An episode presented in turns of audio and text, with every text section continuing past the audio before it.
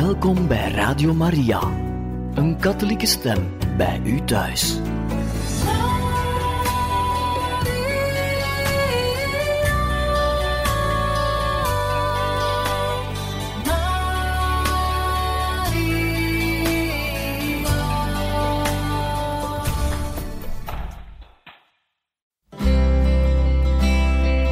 Welkom bij Boekat, een programma van Radio Maria.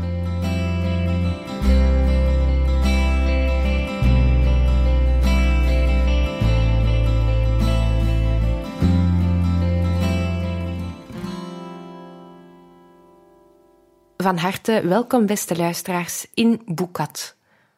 Momenteel lezen we uit een boek geschreven door Albino Luciani, de latere paus Johannes Paulus I, die in zijn tijd als patriarch van Venetië de ongewone opdracht had aangenomen om iedere maand een brief te schrijven aan een beroemde persoonlijkheid in de periodiek Messaggero di San Antonio.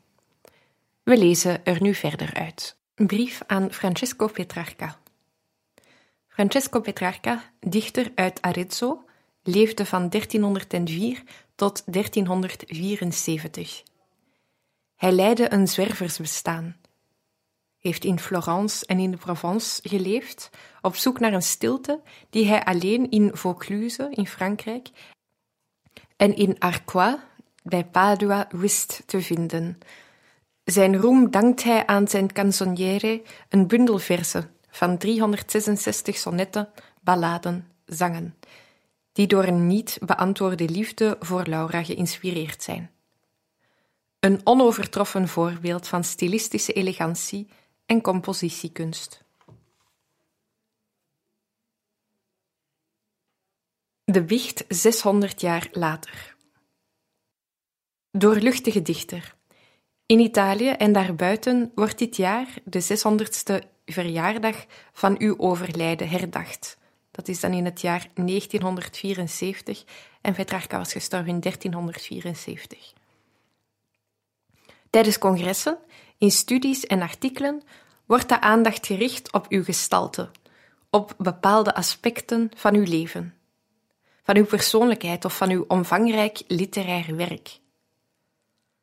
Zoveel eeuwen na uw dood treedt u levendiger dan ooit aan het voetlicht en weet uw belangstelling op te wekken bij de mensen van vandaag, voor de geleerde, voor de subtiele psycholoog, de politicus, de hartstochtelijke toerist, de oprechte en tegelijk kritische christen die u was, en voor wel honderd aspecten meer.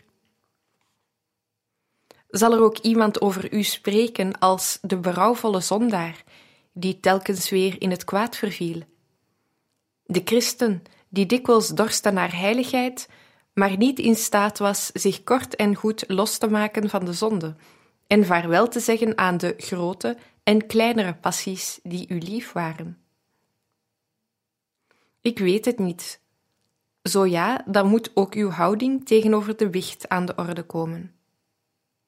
Want u ging te wichten, doorluchtte Petrarca. U schreef eens uit Rome aan uw vriend Boccaccio en vertelde hem het ongeluk dat u overkomen was. Een ferme trap van een onbeslagen paard tegen uw kostbare knie, met als gevolg veertien dagen hevige pijnen. Maar ik aanvaard alles als afbetaling voor mijn zonden, schreef u, en ter vervanging van de penitentie die mijn al te goede biechtvader mij niet heeft opgelegd. Hoeveel toewijding u aan de dag hebt gelegd bij het onderzoeken van uw ziel tot in haar meest verborgen plooien, blijkt uit uw boeken. Wanneer u schrijft te veel behagen geschept te hebben in talent, welsprekendheid, verworven cultuur en zelfs in het goede uiterlijke voorkomen. Wanneer u zich verwijt te dorsten naar eer, gemak, rijkdom en te vaak toegegeven te hebben aan de wellust.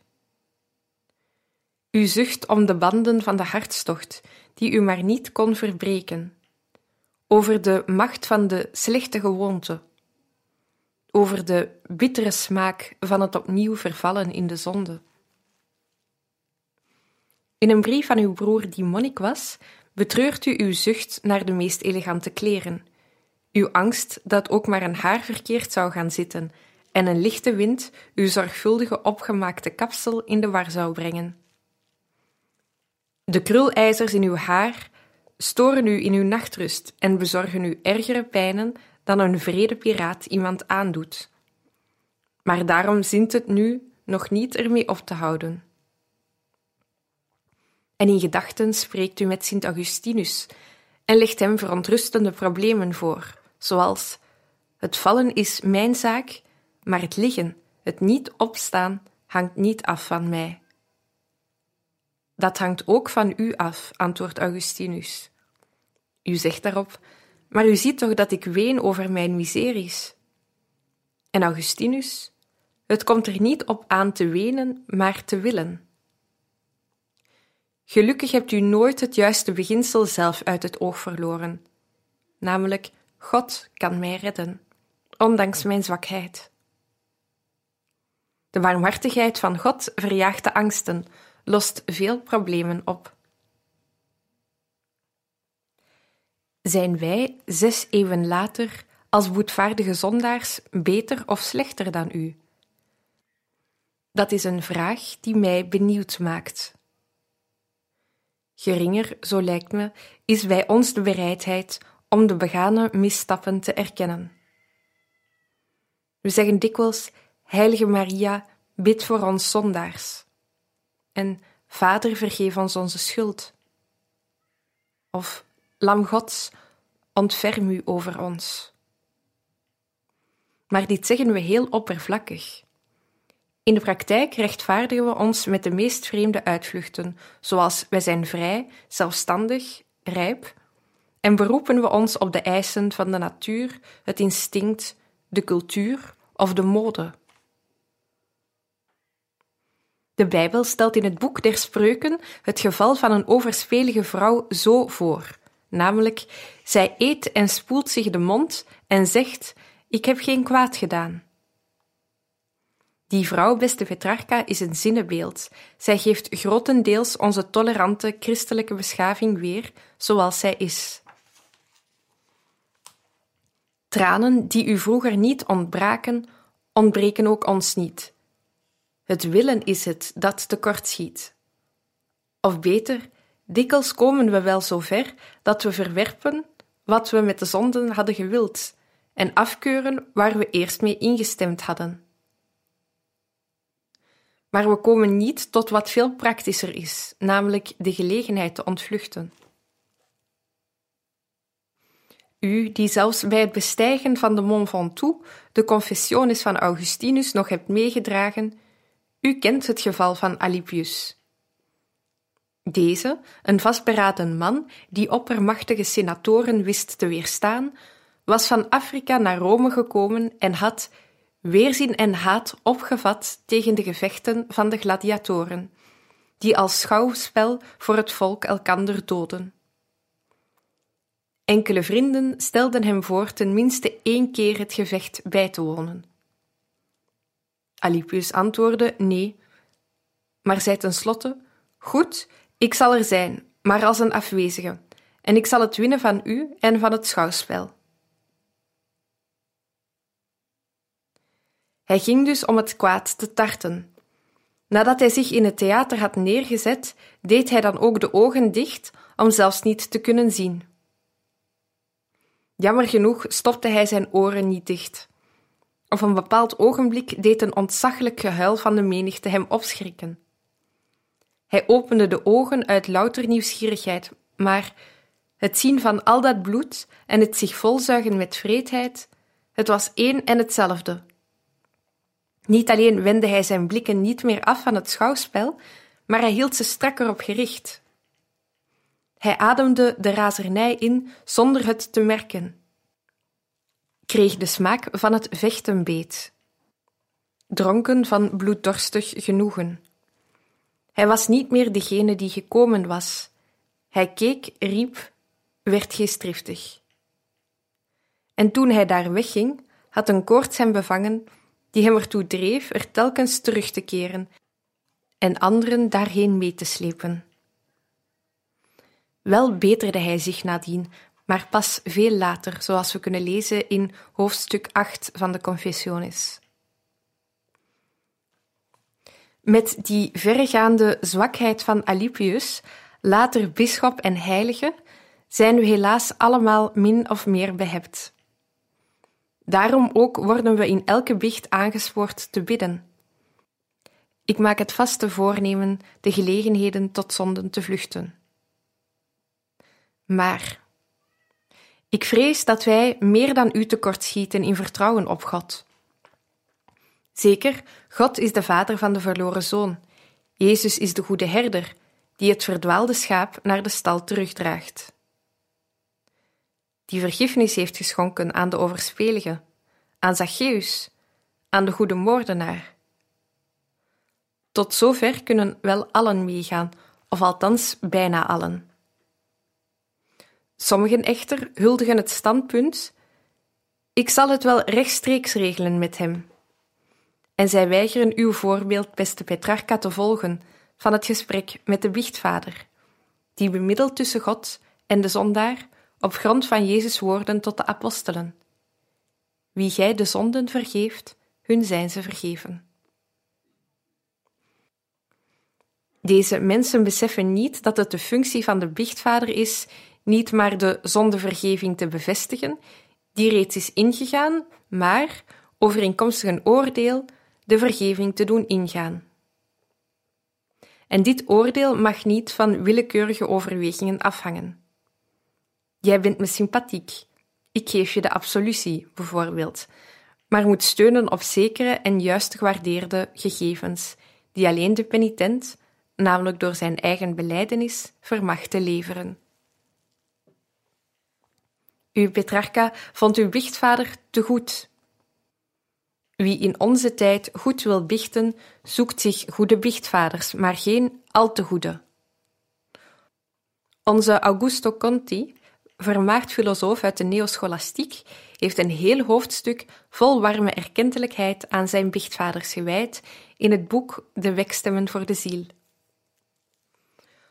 Over de heilige Franciscus van Sales hebben de heilige Jeanne de Chantal en andere penitenten hun grote tevredenheid uitgesproken omdat hij in de wicht was als een vader en geneesheer, die vooral moed wist in te spreken. De heiligheid, zei hij, bestaat in het bestrijden van de gebreken. Maar hoe ze te bestrijden als er geen zijn? Hoe ze overwinnen als we er geen tegenkomen? In deze strijd af en toe gewond te worden, betekent nog niet overwonnen te zijn. Overwonnen is alleen hij die leven of moed verliest. Winnaar is al wie vastberaden doorgaat met vechten. Dat is het type biechtvader dat de mensen vandaag verwachten. In zijn leiding zeer beslist, maar ook vol begrip. God beminnend, maar tevens de problemen van de mensen kennend. Weliswaar wordt tegenwoordig, volgens de wens van de kerk, het hoofdaccent minder gelegd op de beleidenis van de zonden dan op de bekering, in bijbelse zin voorgesteld als verwijdering van de zonde, en meer nog als toenadering tot God en innige vereniging met Hem. Laat u verzoenen met God, zei Sint Paulus. In onze dagen wordt dan herhaald en wenst men dat de verzoening wordt voorafgegaan door de lezing en de meditatie van Gods eigen woord. Wij gaan naar God als Hij ons eerst roept en aanspreekt. En Zijn woord wil men dan ook, in zover mogelijk, niet tot ieder van ons afzonderlijk gericht zien, maar tot velen in gemeenschap bijeen.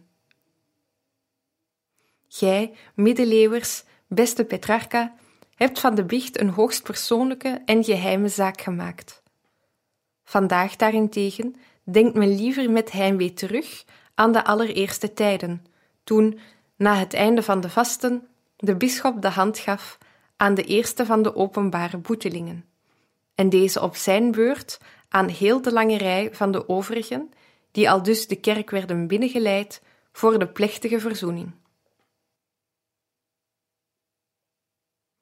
Hoe vaak u te bichten ging, weet ik niet. In die middeleeuwen van u werd veel gebruik gemaakt van de bicht en weinig van de communie. Vandaag lijkt het omgekeerde te gebeuren. Ook vrome zielen tonen zich een beetje allergisch voor de veelvuldige bicht en de bicht van devotie. Zij doen me denken aan de knecht van Jonathan Swift. Eens na een nacht in een herberg vroeg de schrijver ochtends om zijn laarzen. Toen zijn knecht ze hem bracht, zag hij dat ze nog helemaal vuil waren. Hoe bestaat het? Je hebt ze niet eens gepoetst, riep hij. Och, zei de knecht, ik dacht zo, het heeft geen zin. Na enkele kilometers reizen zitten ze immers toch weer onder het stof. Nou goed, maak dan nu de paarden maar klaar voor het vertrek. Kort daarop stonden de paarden te trappelen buiten de stal en ook Swift was helemaal gereed voor de reis. Maar wij kunnen toch niet vertrekken zonder ontbijt, opperde de knecht. Och, dat heeft geen zin, antwoordde Swift, want na enkele kilometers reizen zou je toch weer honger hebben. Beste Petrarca, geen van ons beiden kan, dunkt me, de logica volgen van de knecht van Swift. Zal de ziel weer vuil worden na de bicht? Dat is heel waarschijnlijk. Maar haar nu toch schoon houden kan alleen maar goed doen. Ook omdat de bicht niet enkel het stof van de zonden wegneemt, maar tevens een bijzondere kracht schenkt om ze te vermijden en de vriendschap van God opnieuw versterkt. September 1974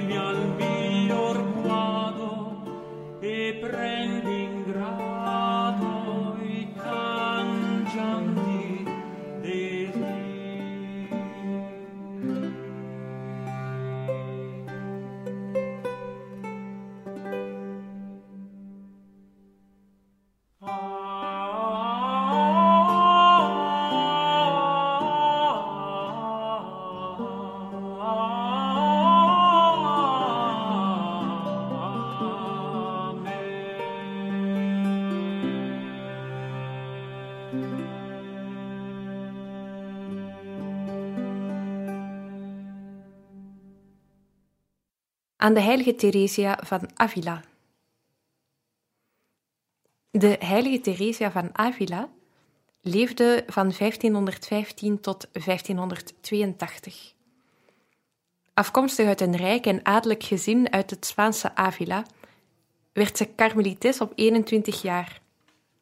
Ze wijde zich aan een krachtige hervormingsactiviteit binnen haar orde, die ze tot de oorspronkelijke gestrengheid wilde terugbrengen. Aan het hervormingswerk koppelde zij de ascetische en mystieke ervaring, waarvan men het getuigenis vindt in bewonderenswaardige geschriften, zoals De Weg der Volmaaktheid, een autobiografie en talrijke brieven.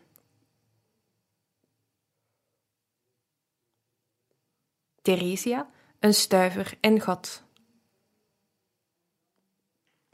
Beste heilige Theresia, oktober is de maand van uw feest. Ik dacht dus dat u me wel een onderhoud per brief zou willen toestaan. Wie naar de bekende marmergroep kijkt, waar Bernini u afbeeldt, getroffen door de pijl van de serafijn, denkt aan uw visioenen en extasen. En terecht, de mystieke Theresia van de vervoeringen in God behoort ook tot de echte Theresia. Maar echt is ook de andere Theresia, die mij nog meer bevalt, die dicht bij ons staat, zoals blijkt uit de autobiografie en de brieven. Het is de Theresia van het praktische leven, die dezelfde moeilijkheden kent als wij en ze vlot te boven weet te komen. Die kan glimlachen, lachen en doen lachen. Die zich ongedwongen beweegt te midden van de wereld en de meest verscheidene gebeurtenissen. En dit alles dankzij overvloedige natuurlijke begaafdheden, maar meer nog dankzij haar voortdurende eenheid met God. De protestantse reformatie zet in, de toestand in de kerk in Duitsland en in Frankrijk is kritiek. Het vervult u met droefheid en u schrijft: Om ook slechts een enkele ziel te redden van de velen die daar verloren gaan, had ik duizendmaal mijn leven willen offeren. Maar ik was maar een vrouw. Een vrouw, maar een die twintig mannen waard is, die geen enkel middel onbeproefd laat en erin slaagt een prachtige interne hervorming tot stand te brengen en door haar werk en geschriften invloed uitoefent op heel de kerk. En die samen met de heilige Catharina van Siena tot kerkleraar werd uitgeroepen, als de eerste, en tot nu toe, dat is in 1974, enige vrouwen die deze titel ontvingen. Een vrouw met vrijmoedige tong en met sierlijke en snedige pen. Ondanks uw verheven opvatting over de roeping van kloosterzusters, schreef u aan Pater Graciano het volgende. Om de liefde Gods, kijk uit wat u doet. Geloof de zusters nooit, want als die iets willen, beproeven ze alle mogelijke middelen. En aan Pater Ambrosio die een postulante afwees, zei u het volgende: U doet me lachen als u me vertelt die ziel begrepen te hebben enkel door haar te zien. Zo gemakkelijk is het niet een vrouw te leren kennen. Van u is ook de lapidaire definitie van de duivel, namelijk die arme drommel die niet beminnen kan. Aan Don Sancho d'Avila schreef u Verstrooidheden bij het bidden van het heilige officie heb ik ook. Ik heb het gebicht bij pater Domingo, die zei dat ik me er niet druk om moest maken. Hetzelfde zeg ik u, want de kwaal is nu eenmaal ongeneeslijk. Dit is een geestelijke raad. Maar ook andere raadgevingen hebt u met gulle hand en in alle soorten rondgestrooid.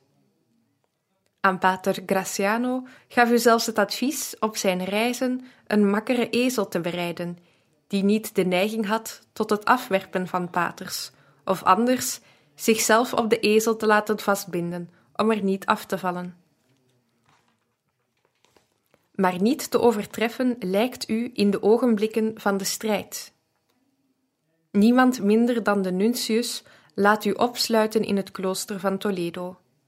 en noemt u een onrustige, zwervende, ongehoorzame en weerspannige vrouw. Maar vanuit uw afzondering stuurt u afgezanten naar Philips II, naar prinsen en prelaten, en heel de narigheid wordt opgelost. Uw besluit is: Theresia alleen is niets waard. Theresia en een stuiver zijn helemaal niets waard. Theresia, een stuiver en God kunnen alles. Voor mij bent u een treffend voorbeeld van iets dat zich in de katholieke kerk regelmatig voordoet. Namelijk dat vrouwen, die uiteraard de kerk niet besturen, dit komt aan de hiërarchie toe, wel heel dikwijls het leven van de kerk sterk inspireren en bevorderen, en daarin meermalen zelfs een leidende rol spelen. Niet alleen waait de geest waar hij wil, ook is de vrouwelijke aard gevoeliger voor het religieuze en meer geneigd zich edelmoedig te geven aan de grote zaken. Vandaar die uitgebreide schare van vrouwelijke heiligen, mystiek begenadigde vrouwen en ordestichteressen, die in de katholieke kerk naar voren zijn getreden. Naast hen moeten ook de vrouwen worden meegerekend die de aanzet gaven tot ascetisch-theologische bewegingen met een zeer grote invloedssfeer. De edele Marcella, die op de Aventijn een soort convent leidde van rijke en ontwikkelde patriciersvrouwen, werkte met de heilige Hieronymus samen aan de vertaling van de Bijbel. Madame Acari had invloed op bekende personages zoals de Jezuïet Coton de Capucijn de Cantveld, Franciscus van Sales zelf en vele anderen. En op heel de Franse geestelijkheid uit het begin van de 17e eeuw. In de 18e eeuw verbreidde prinses Amalia von Galitzin vanuit haar Münsterse Freundeskreis, die zelfs door Goethe werd gewaardeerd, over heel het noorden van Duitsland een stroom van intens geestelijk leven. Sofia Schetchin, een bekeerde Russin uit het begin van de 19e eeuw, was in Frankrijk als het ware de geestelijke leidster van de meest representatieve leken en priesters daar. Ik zou nog andere gevallen kunnen vermelden, maar ik keer tot u terug, die niet zozeer geestelijke dochter, als wel geestelijke moeder bent geweest van Sint-Jan van het Kruis en voor de eerste hervormde karmelieten. Thans lijkt dat allemaal duidelijk en eenvoudig. Maar in uw dagen leidde het tot botsingen, zoals de hierboven vermelde. Enerzijds stond u, met uw rijkdom aan charisma's, aan warmte en licht verspreidende krachten die u ten dienste van de kerk Gods waren verleend. Anderzijds was er de nuntius die namens de hiërarchie de authenticiteit van uw charisma's moest beoordelen. In eerste instantie viel op grond van verkeerde inlichtingen dat oordeel negatief uit. Maar toen eenmaal de noodzakelijke ophelderingen verschaft en de zaken beter onderzocht waren, klaarden deze op. De hiërarchie keurde alles goed en uw gaven konden zich ontplooien tot heil van de kerk. Maar van charisma's, met daartegenover de hiërarchie, hoort men ook tegenwoordig veel spreken. Daar u ter zake een specialiste was, ben ik zo vrij uit uw werken de volgende principes hierover te destilleren. Boven alles is er de Heilige Geest ten eerste. Van Hem is het dat zowel de charisma's komen als ook de bevoegdheden der herders van de kerk. De geest ook is het die alleen de harmonische overeenkomst tussen hiërarchie en charisma's tot stand kan brengen, en al dus de eenheid van de kerk bevordert.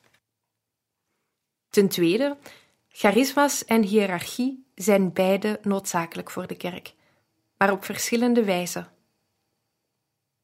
De charisma's dienen als versnelling en bevorderen de vooruitgang en de vernieuwing De hiërarchie moet eerder dienen als rem, ten gunste van de stabiliteit en de voorzichtigheid. Ten derde, soms kruisen charisma's en hiërarchie elkaar en soms vallen zij ten dele samen. Bepaalde charisma's zijn voornamelijk aan de herders gegeven, zoals de gaven om te regeren, waarover Sint Paulus het heeft in zijn eerste brief aan de Corinthiërs. En juist omdat de hiërarchie al de voornaamste sectoren van het kerkelijk leven moet regelen, kunnen de charismatici van hun kant zich niet aan haar leiding onttrekken, met de uitvlucht dat zij charisma's hebben. Ten vierde, de charisma's zijn geen voor iedereen verboden terrein. Zij kunnen ten deel vallen aan allen.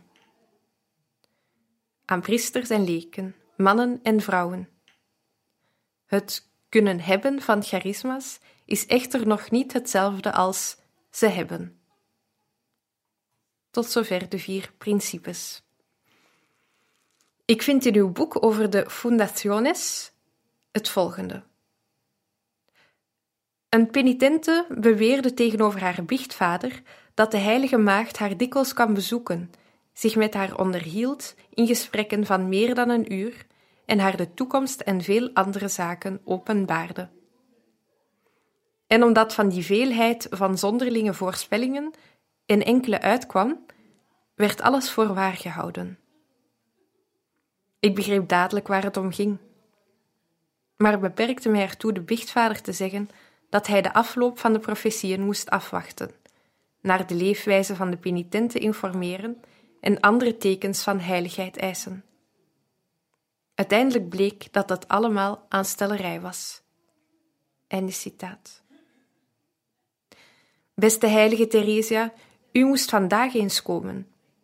Met de term charisma wordt gegooid.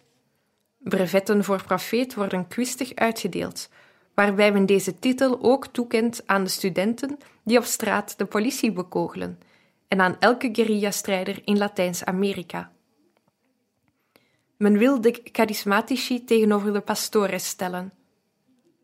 Wat zou u ervan zeggen? U die de bichtvaders gehoorzaamde, ook als hun raad tegengesteld bleek aan die welke u door God in het gebed was gegeven. En denk niet dat ik een pessimist ben. Het overal zien van charisma's zal, naar ik hoop, slechts een modegril zijn. Anderzijds weet ik goed dat de authentieke gaven van de geest altijd gepaard gingen met misbruiken en valse gaven. Desondanks is de kerk blijven voortgaan. In de jonge kerk van Korinthe bijvoorbeeld was er een grote opbloei van charisma's. Maar ook toen moest reeds Sint Paulus enige bezorgdheid uitspreken over bepaalde misbruiken die daarbij optraden. Een verschijnsel dat later in veel ernstiger vormen van dwaling terugkeerde. In de tweede eeuw begonnen twee vrouwen, Priscilla en Maximila,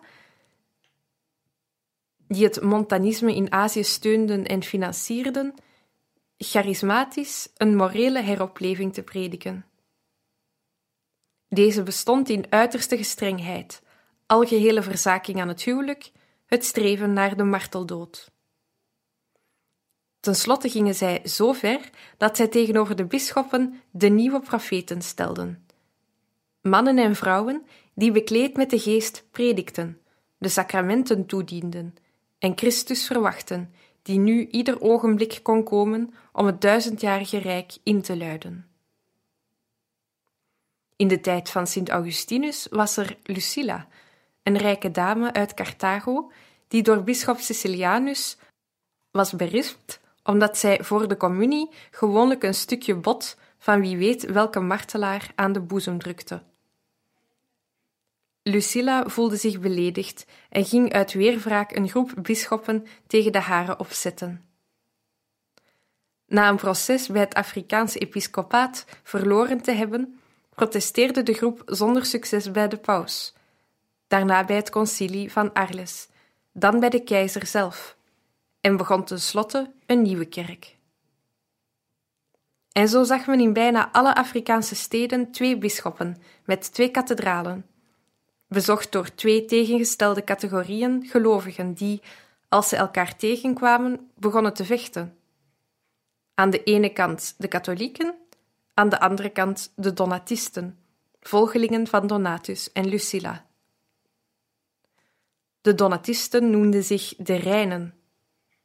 Op een plaats waar voor hen een katholiek gezeten had, met de mouw af te vegen. Zij meden de katholieke bisschoppen als de pest. Zij riepen het evangelie in tegen de kerk, die naar hun zeggen op het keizerlijk gezag steunde. Zij vormden zelfs knokploegen. De zo zachtmoedige Sint Augustinus moest ze eens afsnauwen. Houd je zo van het martelaarschap? Waarom neemt je geen touw en hangt u zelf op? In de 17e eeuw waren er de nonnen van Port-Royal. Een van hun abdissen, Mère Angélique, was goed begonnen. Charismatisch had zij zichzelf en haar monasterie hervormd, waar zij zelfs de ouders uit de clausuur verwijderd hield. Voorzien van grote gaven, geboren om te besturen, werd zij echter de ziel van de Jansenistische weerstand.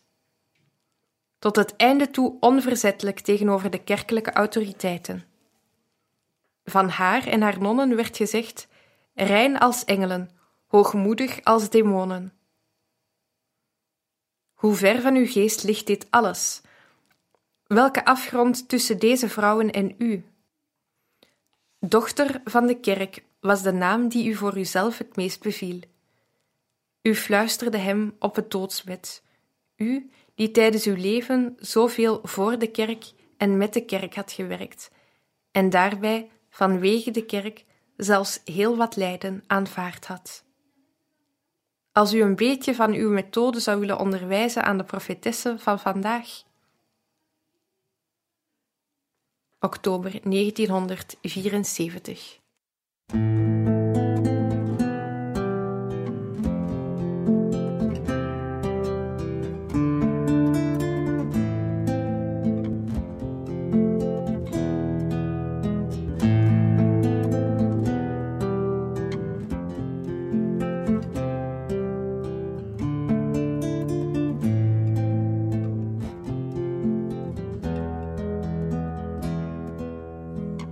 Vivo sin vivir en mí y de tal manera espero que muero porque no muero, vivo sin vivir en mí.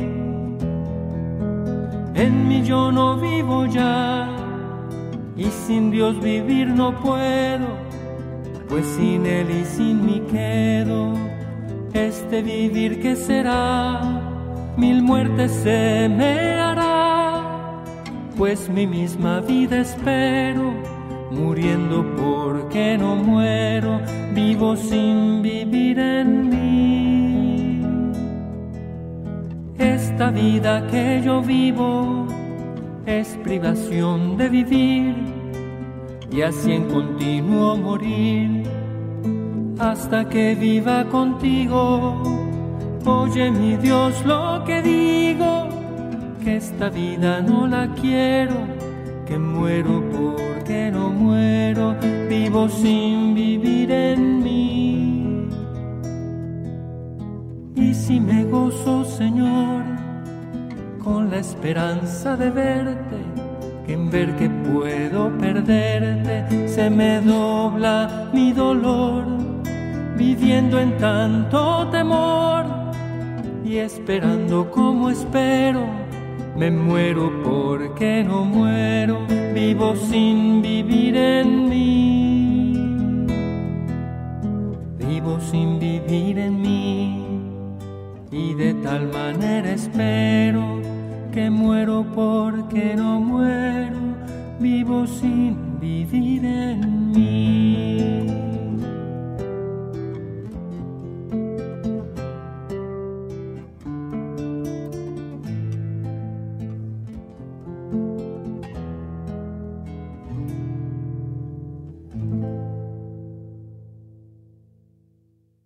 En tot zover, beste luisteraars, de brieven aan beroemde mensen voor vandaag. Geschreven door Albino Luciani, de latere paus Johannes Paulus I. Radio Maria wenst u nog een mooie dag toe en veel luisterplezier.